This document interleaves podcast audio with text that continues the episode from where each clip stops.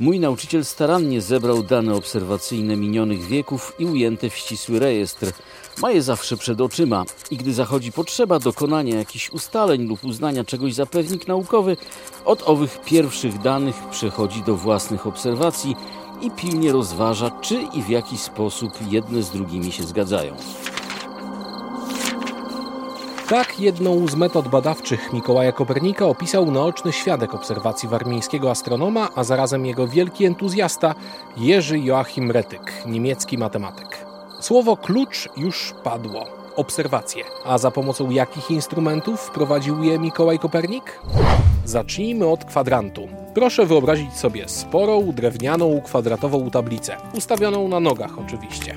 Bok o długości trzech lub czterech łokci. Powierzchnia wyrównana bardzo starannie. To instrument służący do mierzenia wysokości Słońca nad horyzontem. Jest wyrysowana ćwiartka okręgu. To wszystko podzielone na 90 równych części. Każda z nich dodatkowo na 6 odcinków. W środku okręgu, prostopadle do powierzchni, zamocowany jest tzw. Tak gnomon, czyli kołek.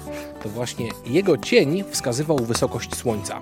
Tablicę należało ustawić dokładnie na płaszczyźnie miejscowego południka. Ten instrument pozwolił m.in. na wyznaczenie odległości równika od zwrotników, ale też wyznaczyć szerokość geograficzną miejsca obserwacji. Co dalej? Triquetrum, czyli trójkąt paralaktyczny. Jak to wyjaśnić? Kopernik korzystał z niego do wyznaczania paralaksy Księżyca, czyli najprościej mówiąc do pomiaru jego odległości od Ziemi.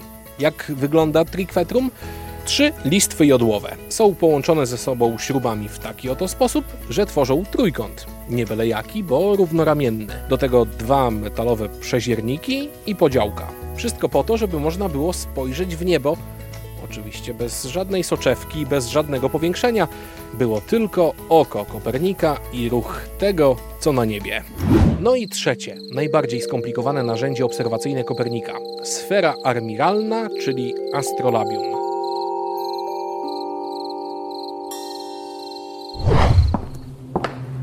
To stykające się ze sobą obręcze pierścienie.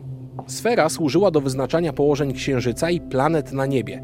Obręczy było sześć, oczywiście wszystkie drewniane. Były zaopatrzone w podziałki kątowe i przezierniki, co by przez nie patrzeć. Tak jak na Ziemi, każdy punkt ma swoje współrzędne geograficzne, tak i na niebie obiektom przyporządkowujemy odpowiednie współrzędne. Jeżeli mamy śledzić zmiany ich położeń, to musimy określać ich współrzędne w różnym czasie. Obserwacja tym przyrządem składała się z dwóch etapów: obserwacji dziennej i nocnej. Za pomocą tego przyrządu Mikołaj Kopernik wyznaczył współrzędne planet, których ruchy badał. Zachowały się 63 obserwacje, jakie Kopernik wykonał tym przyrządem, głównie na Warmii. Żaden z tych instrumentów nie zachował się do naszych czasów, choć wiemy, że drewniany trójkąt paralaktyczny istniał jeszcze w 1584 roku, gdyż został wówczas podarowany przez kanonika warmińskiego Johannesa Hanowa współpracownikowi Tychona Brachego, Eliasowi Olsenowi Morsingowi, który odwiedził wtedy Fromborg.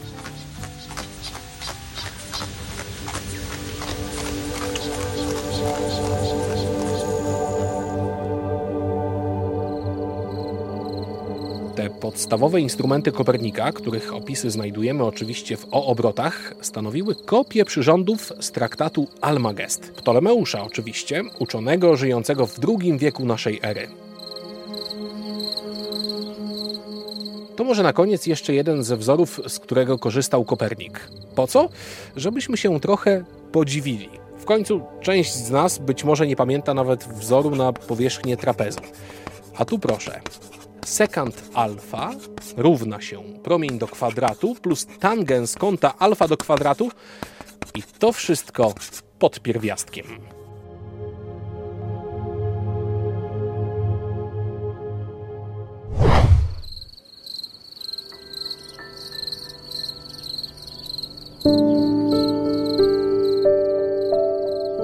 Noc.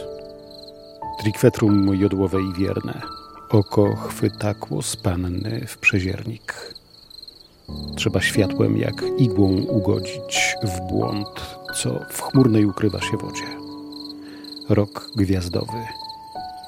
Błąd cztery sekundy. Myśl Mieć musi prostotę kolumny.